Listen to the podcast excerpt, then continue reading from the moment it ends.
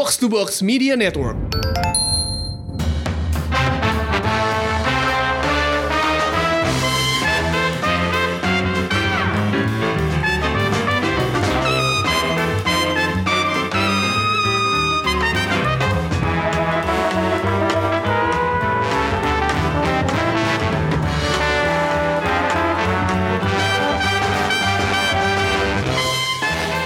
Selamat datang di Showbox Podcast dengan gue Lisa. Gue Angga.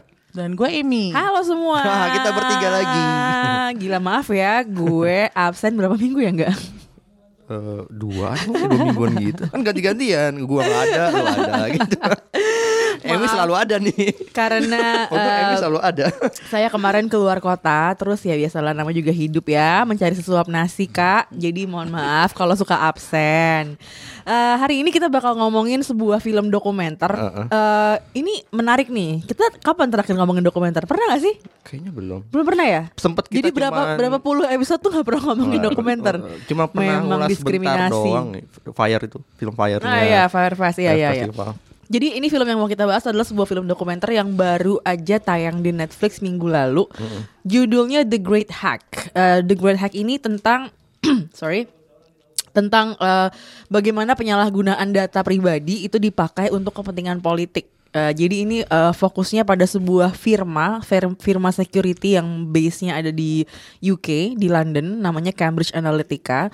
Dan Ya. eh, perjalanan dari, apa sih doku- dokumenter ini sebenarnya menyorot perjalanan bagaimana membuktikan eh, bahwa data-data yang selama ini kita eh, berikan begitu saja secara cuma-cuma ke perusahaan-perusahaan teknologi itu dipakai oleh mereka dan itu dijadikan bisnis yang eh, nilainya tuh udah triliunan Triliunan. triliunan dolar ya Dolar jadi ya. kalau triliun dolar tuh dirupiahin gue nggak tahu deh tuh berapa apa? nolnya Kepala gue juga tahu bisa bahkan gitu. sobat sama sobat miskin kita nggak nggak paham Iya, deh tuh paham. setelah triliun dolar kita eh, anyway jadi ini seru sebenarnya seru banget karena eh, ini tuh eh, dokumenter yang menyangkut nasib semua orang. Hmm. Jadi kalau dokumenter itu biasanya kan eh, yang kasus apa social cause, perang atau atau ada maksudnya eh, kasus-kasus yang sebenarnya spesifik ke sebuah wilayah yang mungkin kita ngelihatnya oh iya gue bisa relate atau atau nggak sama sekali gitu ya. Tapi kalau ini tuh emang eh, permasalahan manusia modern menurut gue global Iya. global. Jadi Dan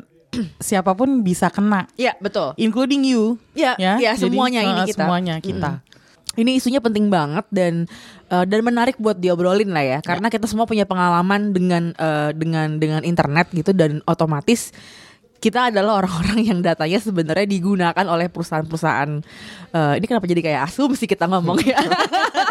ini bukan podcast sebelah kan Eh, ya udah, gitu aja. Tapi eh, Angga boleh cerita dulu nggak sih? dulu trailernya Ya. Oh iya, trailernya. Silakan simak trailernya berikut ini. Who has seen an advertisement that has convinced you that your microphone is listening to your conversations? All of your interactions, your credit card swipes, web searches, locations, likes, they're all collected in real time into a trillion dollar a year industry. The real game changer was Cambridge Analytica. They'd worked for the Trump campaign and for the Brexit campaign. They started using information warfare. Cambridge Analytica claimed to have 5,000 data points on every American voter.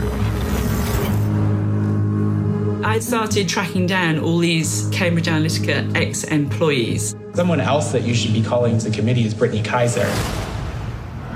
Brittany Kaiser, once a key player inside Cambridge Analytica, casting herself as a whistleblower. The reason why Google and Facebook are the most powerful companies in the world is because last year data surpassed oil in value. Data is the most valuable asset on earth. We targeted those whose minds we thought we could change until they saw the world the way we wanted them to. I do know that their targeting tool was considered a weapon. There is a possibility that the American public had been experimented on. This is becoming a criminal matter.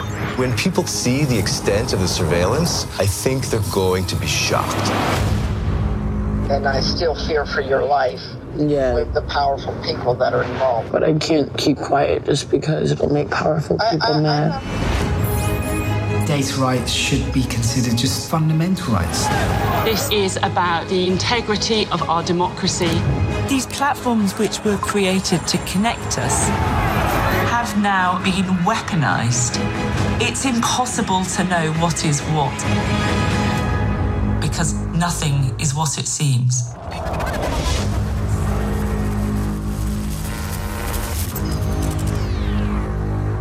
Jadi Angga boleh nggak cerita tentang film ini sebenarnya dibuat sama siapa dan sebenarnya kalau mau ngomongin sinopsis agak susah ya. Susah. Eh, susah. karena ya emang intinya dia pengen menelusuri bagaimana data pribadi salah gunakan gitu kan. Iya, iya. Tapi kalau ngomongin sinopsis boleh lah gue. Boleh, boleh. Ada- ada- ad- nemu ini dikit aja. ya? Nemu di- dari dari Netflix aja gue bacain. ini tentang mengeksplorasi data perusahaan data eh, bernama Cambridge Analytica di yang berbasis di Inggris dan eh, dia menggunakan media sosial untuk menarik mengambil data-data pribadi jutaan umat jutaan manusia lah. Gitu dan dimanfaatkan untuk kepentingan politik seperti tadi si Lisa udah bilang. Bahkan sebelumnya juga dia memanfaatkan untuk kepentingan ekonomi kan. Kayak gitu. Nah kalau filmnya sendiri dibikin oleh eh, Karim Amer dan Jehane Nujaim. Gue gak tahu nyebutnya gimana semoga gue bener eh, pronunciationnya. Cuman dia adalah dua, dua orang ini adalah orang yang menyutradari film The Square tahun berapa tuh? Yang 2013. 2013 yang dapat nominasi Oscar untuk Ya. Best Foreign Film ya? Di di tahun yang sama ada film The Act of Killing-nya Oppenheimer Killing. sama 20 Feet from Stardom. cuman yang kalah dia pernah kalah ya kalah si Hmm. The Square yang menang 20 Feet from Stardom. nah gue sih belum waktu itu ada film festival apa gitu yang men, yang men- menya- men- menayangkan The Square di sini. Apa ya? Europe on Screen apa ya? Oh bisa jadi. Iya. Karena temanya tentang salah itu deh. tentang tentang Mesir kan, tentang Iya, Arab iya, Spring. iya. Iya, Terus gua lupa. Waktu itu lagi heboh banget Iya, kan. iya, iya. gue juga inget kayak pernah Gue main lupa di sini tuh, tapi deh. pernah main di sini kok The Square itu. Tapi kita dalam dalam film festival. Gue sih nggak nonton ya. kita kelewatan semua nonton gue nonton Waktu itu Square gue yang kayaknya gue lagi nggak di Jakarta. Gue inget gue ingetnya karena wah, gua Menariknya kelewatan. si The Square juga waktu itu ya di choir sama Netflix. Jadi dia sama Hmm. Netflix sudah lama nih dua filmmaker ini. Dan sekali lagi nih mereka kerja sama bareng Netflix untuk The Great Hack. Jadi ini kedua kalinya mereka berkolaborasi sama Netflix. Ya dan bisa dibilang dua sutradara ini bener-bener eh, memang punya kalau kita dia udah bikin The Square terus bikin juga sekarang The Great Hack berarti dia punya eh, atensi untuk eh, memberitahu ke publik tentang hal-hal yang dilanggar oleh banyak mungkin sekarang kalau di, di Great Hack kan ada korporasi kalau di film The Square adalah pemerintahan rezim saat itu di Mesir kan kayak gitu-gitu jadi dia punya kecenderungan untuk mengungkap hal-hal yang melawan status quo. melawan status quo Iya iya iya. Tapi lucunya mereka ngaku mereka ngomong gini, kita bukan jurnalis loh. Jadi ini bukan cerita definitif, bukan biografinya Cambridge Analytica gitu ngomongnya gitu. Dia cuman bilang kita pengen ngasih tahu nih ada Cambridge Analytica dan apa yang mereka lakukan tuh adalah ini. Lu perlu tahu karena ini hubungannya dengan teknologi dan moralitas gitu. Jadi ya mereka mengaku sih kita mereka bukan jurnalis. Jadi cara mereka merangkai film ini juga nggak kayak dokumenter kebanyakan. Jadi cara mereka merangkai film ini tuh seakan-akan orang-orang yang terlibat tuh karakter. Hmm. Nah, Nah itu sebenarnya yang pengen gue bahas sih. Hmm. Jadi ketika nonton film ini tuh gue ngerasanya ya mungkin karena gue sudah punya pendapat pribadi soal data pribadi ini ya. Jadi gue punya personal opinion already sebelum nonton film ini gitu ya. Dan gue kayak ini tuh hal penting yang semua orang harus tahu gitu, yang orang-orang harus sadar. Cuman ini dia emang berkutatnya di Cambridge eh, Analytica gitu loh. Memang penyampaiannya jadi agak-agak oke gitu. ya kan? Mungkin mungkin karena kita bertiga juga wartawan dan kita tahu ya bagaimana bagaimana sebaiknya tuh kita menyajikan sebuah tema gitu Ya. kan. Maksudnya tema di sini sebenarnya kan data pribadi gitu kan. Iya. Cuman ya udah jadinya dia fokus ke situ doang gitu. yang yang perlu digarisbawahi dari film ini sebenarnya eh, gimana cara dia mem- memberitahu kepada kita soal pentingnya masalah pencurian data pribadi dan dimanfaatkan oleh po- eh, kepentingan politik di oleh sekelompok orang di di satu tempat gitu ya. Dan yang satu, gue ada satu kalimat dari satu dialog di oleh satu karak- seorang karakter di dalam film dokumenter ini dia bilang data right is a human rights. Wah itu Hmm. kena banget sih. Yap. Dan Yap. eh, ini orang nggak sadar kan kebanyakan. Kita tahu lah da- eh, hak, hak asasi kita tuh banyak banget ada 30 kalau menurut versi PBB. Tapi data eh, pelindungan data itu belum Ya. termasuk di dalamnya gitu. Dan eh, bisa dibilang masyarakat di mana pun eh, termasuk di Indonesia udah pasti banyak yang belum sadar bahwa data kita sebenarnya kita umbar baik kita sengaja maupun tidak sengaja gitu dan itu bi- udah dimanfaatkan oleh banyak pihak eh, nggak cuman eh, nggak cuman untuk kepentingan kampanye politik dari salah satu kelompok atau partai politik tapi juga buat kepentingan ekonomi korporasi gitu kan eh, sadar sadar nggak sadar gitu. Ini perlu di perlu digalakkan sih eh, tema-tema seperti ini untuk dikasih lihat. Dan film ini untungnya bukan untungnya film ini bagusnya adalah dia memberitahu secara detail tentang eh, gimana sebuah data bahkan jutaan data eh, ma- orang di Amerika di di Inggris juga dimanfaatkan untuk pertama kalau di Inggris untuk untuk kampanye Brexit Leave EU eh, lalu juga untuk di Amerika itu kampanye eh, Trump gitu kan. Mengerikan bahkan sebenarnya karena karena ini ada relevansi dengan kita kan. Iya. eh kalau nonton filmnya kan ada satu ada satu glimpse yang melihatkan eh, Indonesia. Ya entah itu apa tapi perkiranya kayak itu tahun 98 ya. Dan ya penggunaan data pribadi untuk kepentingan partai politik untuk kepentingan kampanye politik itu sebenarnya terjadi juga kan di kita itu udah jadi udah pernah juga disinggung lah di beberapa media juga gitu. Nah, setelah nonton ini, gue mau nanya dulu, kalian jadi kayak males pakai media sosial gak sih? enggak sih gue cuma hati-hati aja Kalau gue Karena ini kan tujuannya kan emang bikin lo sadar kan Iya. terhadap eh, apa yang lo lakukan di internet dengan apps-apps dan segala macam itu gitu. Hmm. Nah kalau gue sih untungnya ya gue eh, se- sebuah ya pengakuan gue adalah gue bukan orang yang suka banget sama media sosial. Contohnya Facebook gue nggak pakai. Gue udah berhenti pakai Facebook sejak 2010. Terus eh kalau nggak salah bahkan mungkin lebih awal dari itu karena gue inget banget gue diajak main Facebook terus gue nggak ngerti gue nggak ngerti karena gue gue nggak pernah main eh, Friendster gue nggak pakai ya kan? Yang kayak gitu-gitu tuh gue pada saat itu asing banget dan gue tipe orang yang kurang suka perubahan. Jadi begitu ngelihat Layout berubah. Hah, gue kayak aduh apa ya Berubah ini? terus lagi Facebook kan, iya. dari tahun ke tahun. terus kayak pertamanya kan dia rame banget kan halamannya kayak ada iklan terus ada eh, quiz ini quiz itu gue gue sih nggak pernah nyentuh quiz quiz itu ya. Untungnya gue nggak pernah nyentuh quiz quiz itu. Karena kuis itu dimanfaatkan untuk menarik data kita. Iya, karena ternyata salah satu kuis itu itulah yang dipakai buat narik data kita gitu. Masalahnya gini, mm, oke gue pakai Twitter, tapi gue di Twitter juga kadang-kadang gue pakai cuman buat berita kayak dari berita. Guys gue sakit. Udah gitu doang kayak gitu doang. Jadi kayak gue nggak pernah yang kayak ngumbar apa pun tentang karena risih juga gitu loh. Ngapain gue ngasih tahu berita tentang diri gue sampai gimana banget? Yang baca siapa? Audiens gue siapa? Dulu mana nggak ada tuh yang namanya Twitter Analytics. Zaman zaman pertama kali Twitter keluar kan ngebaca siapa yang ngebuka halaman kita aja kita nggak tahu gitu Ya. loh. Jadi keasingan itu bikin gue agak berhati-hati sih. Dan gue agak bersyukur karena setelah gue nonton The Great Hack gue menyadari betapa bahayanya kalau kita tuh involve banget sampai kita tuh ngumbar semuanya di eh, social media gitu loh. Tapi jujur aja emang gue sempet agak bukan bukan takut ya tapi kayak risih aja gitu jadinya. Kayak gue kalau misalnya kan sekarang semua social media kan pakai algoritma yang semuanya tuh disesuaikan dengan preferensi kita gitu. Gue Iya. tuh risih aja kalau misalnya mm, contohnya gue habis dari Bank Mandiri gitu deh misalnya atau Bank BCA tiba-tiba di di salah satu social media gue entah itu Twitter entah itu Instagram tiba-tiba ada iklannya. Dari mana lu tahu gue ke bank itu tadi Iya, gitu? iya, iya. Kan it's creepy. itu creepy kan Ya. jadi gue agak-agak ya setelah setelah nonton Great Hack jujur aja gue matiin handphone sih gue kayak gue puasa dulu deh dari online selama dua hari kebetulan nontonnya weekend kan jadi yaudah gue bisa matiin handphone karena nggak ada yang ngubungin gue juga Angga gimana? gue kalau gue main semua aplikasi media sosial dulu dulu Friendster kan terus beralih ke Facebook ada kala ada saatnya pas eh, lagi intens banget main Facebook update status terus. Cuman memang seiring jalan waktu dalam lima tahun terakhir ini gue mulai berkurang main Facebook. Eh, pengetahuan gue tentang data gue sebenarnya diambil sama perusahaan-perusahaan media sosial seperti ini tuh bukan dari di Great Hack malah jadi dari liputan investigasinya. Pernah kalau nggak New York Times sama Guardian lalu tahun lalu kan hebohnya Cambridge Analytica karena dia bikin eh, doku- dokumenter investigasi tentang si Cambridge Analytica kan tahun 2018 dan itu makin makin kencang lah eh, apa pemberitaan tentang gimana perusahaan-perusahaan teknologi seperti ini mengambil data.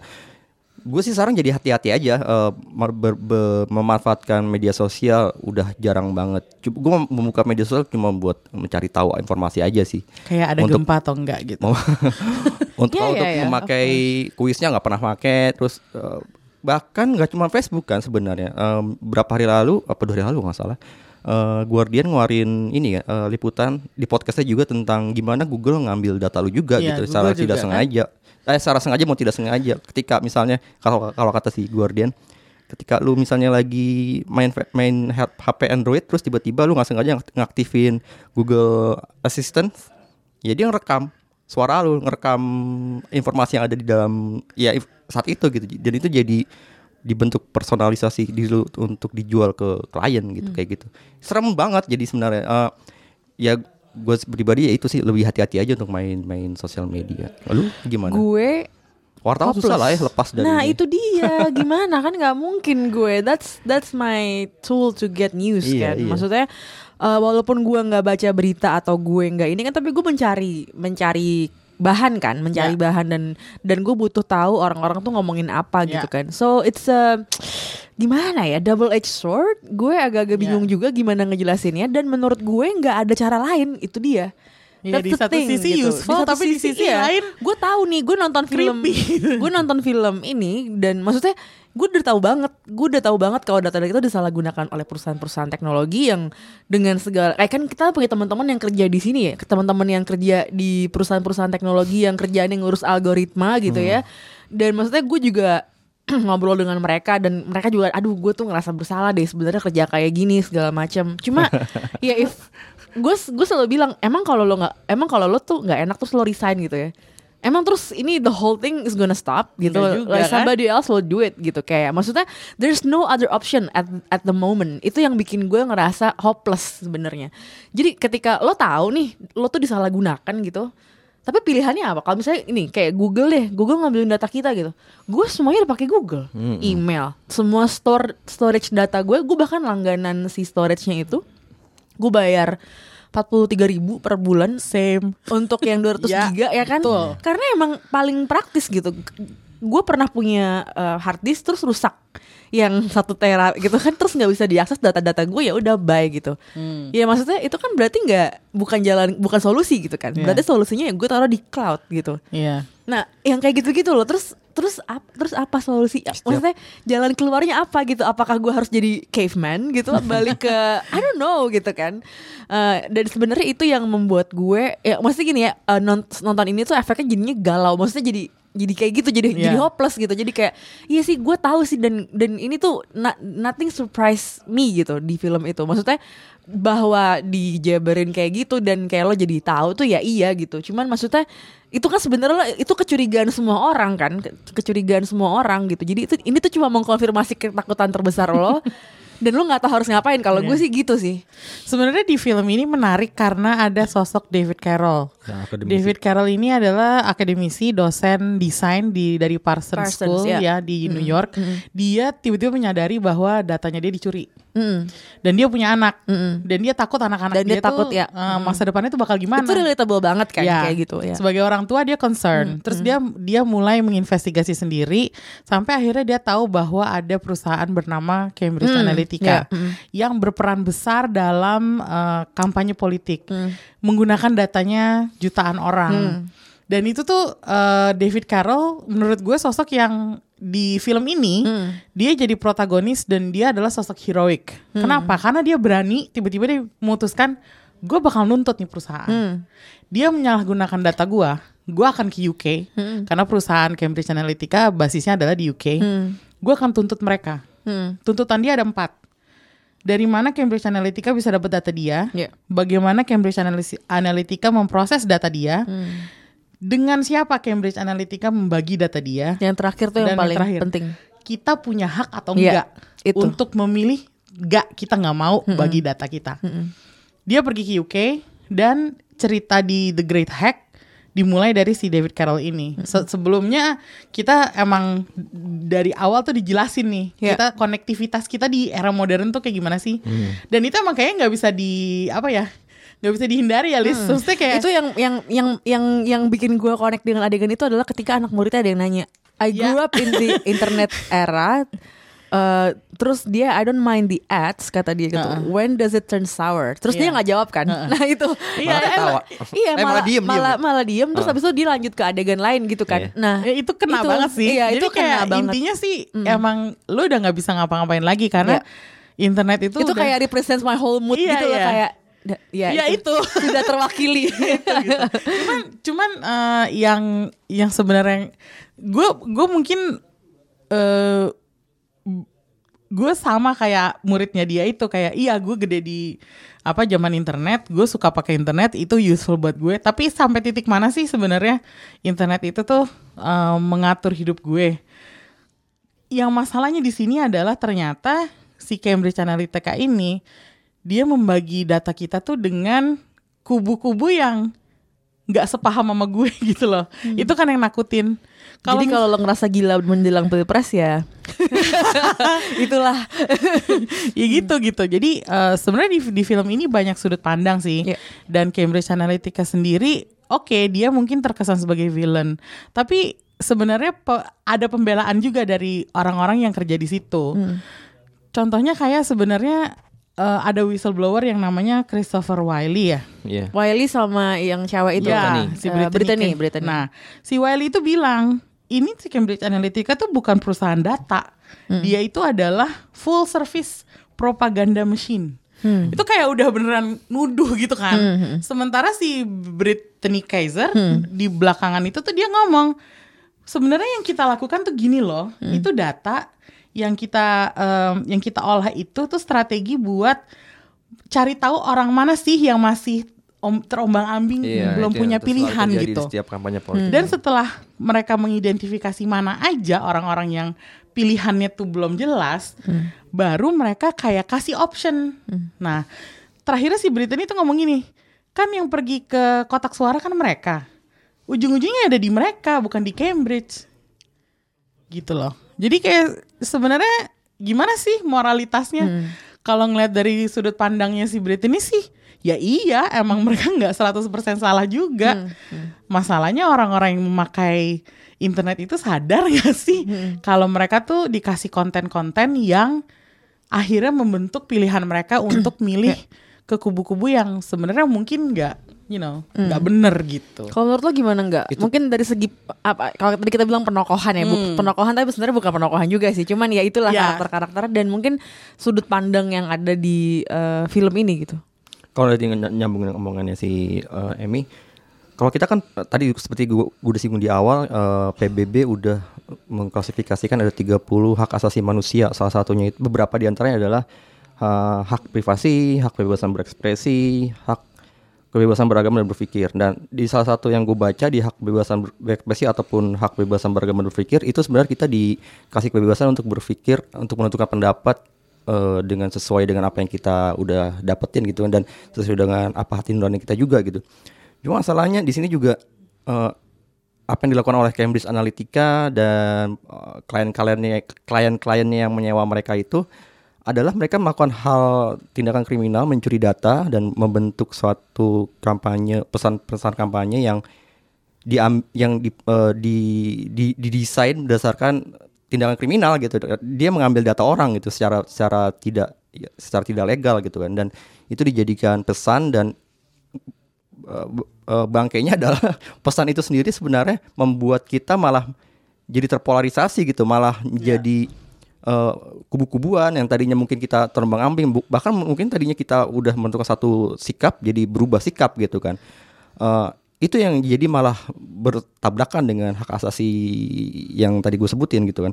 Hak jelas hak, hak privasi kita dilanggar karena data kita diambil gitu dan eh, ini sih yang penting buat kita diskusikan juga eh, apa yang disampaikan di film The Great Hack ini gimana korporasi dan perusahaan-perusahaan dan firma-firma seperti Cambridge Analytica memanfaatkan ini dan itu sebenarnya melanggar banyak hal gitu. etika udah jelas, eh, hak asasi manusia udah jelas dilanggar, pelanggaran juga secara hukum jelas ada. Kita kan juga sebenarnya Indonesia sedang membuat pernah ini ya eh, menggodok undang-undang perlindungan data pribadi kan yang katanya Oktober ini mau di semoga bisa gitu kan. Cuman kan memang lagi diperdebatkan juga isinya seperti apa, apakah sejauh mana pelin- data kita dilindungi gitu. Ya setiap negara harusnya sih udah mulai eh, melakukan pelindungan terhadap eh, data pribadi untuk para warganya gitu.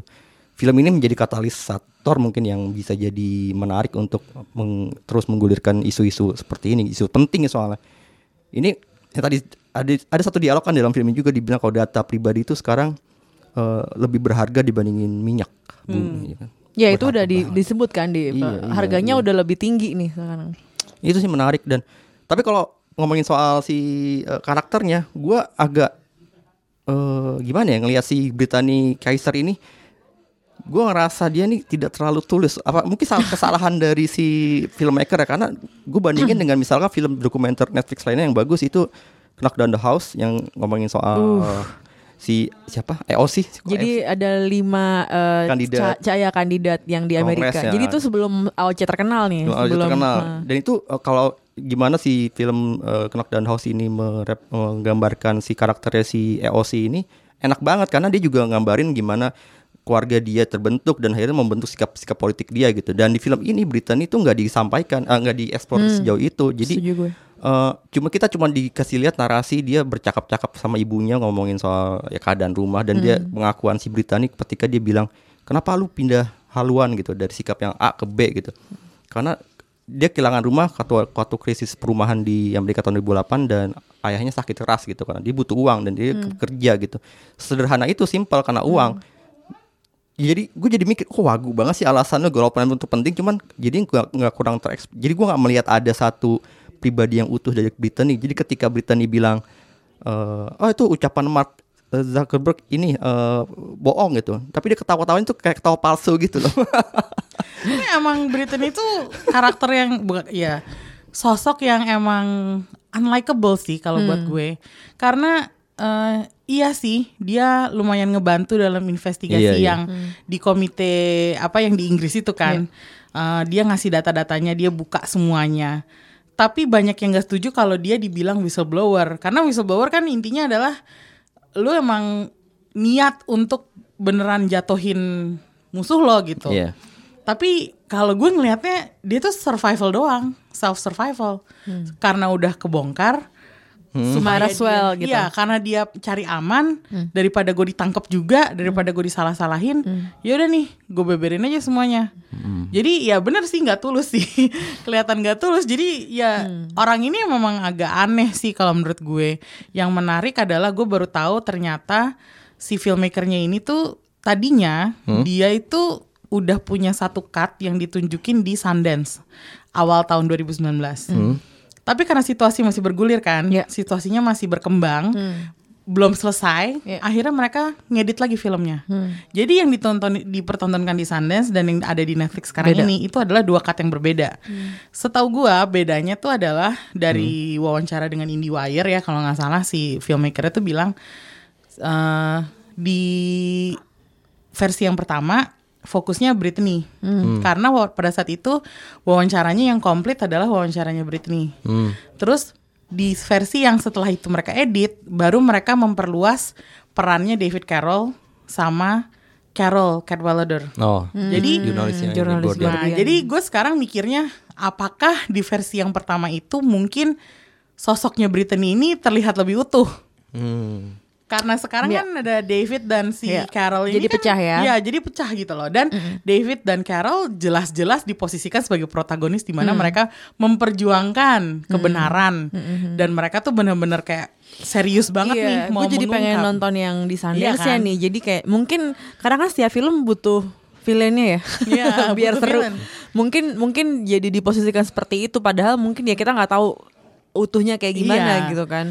Dan sebenarnya kalau kalau mau ngomongin data pribadi kan sebenarnya emang susah banget ya. Emang maksudnya delicate banget gitu loh dan mungkin ya itu salah satu obstacle buat mereka juga kayaknya untuk Iya. untuk untuk gimana maketin ini dal- di package dalam satu film dan dokumenter. dan lagi pula memang kita yang balik lagi ke awal tadi si jadi si siapa namanya si Karim sama si si Jehan ini hmm. dua sutradaranya ini adalah mereka itu bukan jurnalis. Jadi kayaknya mereka emang emang memposisikan beberapa Iya. karakter tuh sebagai here are the uh, the heroes, here are the villains Iya. gitu. Dan di mana di sini beneran Cambridge Analytica terlihat sebenarnya sebagai villain banget gitu. Hmm. Ter- terlepas dari ya memang mereka menyalahi aturan gitu. Hmm. Tapi kan sebenarnya bisa lebih imbang ya. Cuman ya kenyataannya adalah mereka memang melanggar sih. Iya. Dan itu eh, ya harus harus ada sanksinya sebenarnya. Hmm, Gitu. Menurut lo gimana? Kalau gue, em, karena sebenarnya ya tadi gue bilang gue udah terekspos duluan dengan kasus ini sebelum ada film ini. Jadi ketika gue nonton setengah pertama film ini, setengah durasi pertama film ini, gue ngerasa oke gue udah tahu. Gua udah Iya tahu. iya iya iya, gue juga tahu. ngerasa. Pas udah mulai masuk berita nih ketika dia ngungkapin banyak hal gitu, eh, oke ini menarik. Terutama ketika cara eh, filmmakernya menggambar eh, bertutur soal mengkontraskan kesaksian A dengan B misalkan saat Hmm. dia memakai split screen kan si ketika kesaksiannya si Mark Zuckerberg atau si siapa Alexander Nix itu dan di dikontraskan dengan satu lagi di frame satu lagi adalah antara si reaksinya si Brittany atau si David. Itu ketika si Marknya bohong si Chris, eh, Marknya berkata sesuatu ternyata itu bohong dianggap bohong sama si Brittany atau si David. Itu efeknya lebih kuat sih eh, menyampaikan eh, impresi bahwa oh lu Mark lu bohong gitu. Nah kalau kita lihat kalau menurut gue sih itu salah satu salah satu sumbang sih dari film ini ketika dia men- menyampaikan satu hal yang eh, yang fakta yang sebenarnya kita udah tahu cuma diperkuat lagi kesannya gitu soal kebohongan misalnya. Terus ada satu adegan juga di awal di awal ketika memperkenalkan Brittany ketika Brittany dia sedang eh, menyepi di satu pulau di Thailand gitu. Ya, terus dia bilang. "Eh, saya berenang saya menyepi di sini supaya nggak ketahuan. Semoga mereka nggak tahu saya, saya ada di sini gitu. Masa iya sih orang nggak tahu? Masa eh, eh, lu masa nggak- emang lu nggak mengakses media sosial lu gitu lu pasti kebaca di situ ini, ini sebuah kontradiksi yang menarik juga ketika digambarkan sama si filmmakernya lu ngomongin soal lu sedang eh, lu sedang eh, berlibur untuk menyepi dan eh, merahasiakan ini eh, lu ada di mana tapi sebenarnya orang kita eh, orang-orang tahu lu ada di mana gitu menarik sih kontras-kontras seperti ini Hmm. Ya itulah. Iya. Polemik. soal data Eh, iya, tapi memang menarik banget ya nonton film ini. eh, maksudnya kalau misalnya eh, lagi butuh tontonan yang bergizi, mungkin bisa kita rekomendasiin Iya, untuk iya. nonton eh, The Great Hack ini. nggak jelimet kok filmnya nggak Iya jelimet iya iya iya. Eh, menarik buat diikutin dan emang ya ini menyangkut nasib lo juga sih sebenarnya sebagai konsumen. Iya. Penting kok. Eh, tinggal kita nunggu The Great Hack versi Indonesia aja. Oke, thank you banget udah dengerin Showbox. Hari ini kita pendek aja diskusinya. Eh, next kita bakal banyak banget nih film-film seru yang dibahas ya enggak? Waduh. Eh, minggu depan tuh ada eh, sebuah per- eh, sebuah PH ngeluarin film double di hari yang Double. sama. Heeh. Itu- itu yang bakal kita review ya. dua-duanya nih Cie. Wah, tunggu aja. Eh, itu dulu eh, sama mungkin akan ada berita bagus dari sebuah film Indonesia. Eh, nanti dulu kita save sampai Oke. waktunya. Eh, thank you banget udah dengerin Showbox. Sampai ketemu minggu depan. Bye bye. bye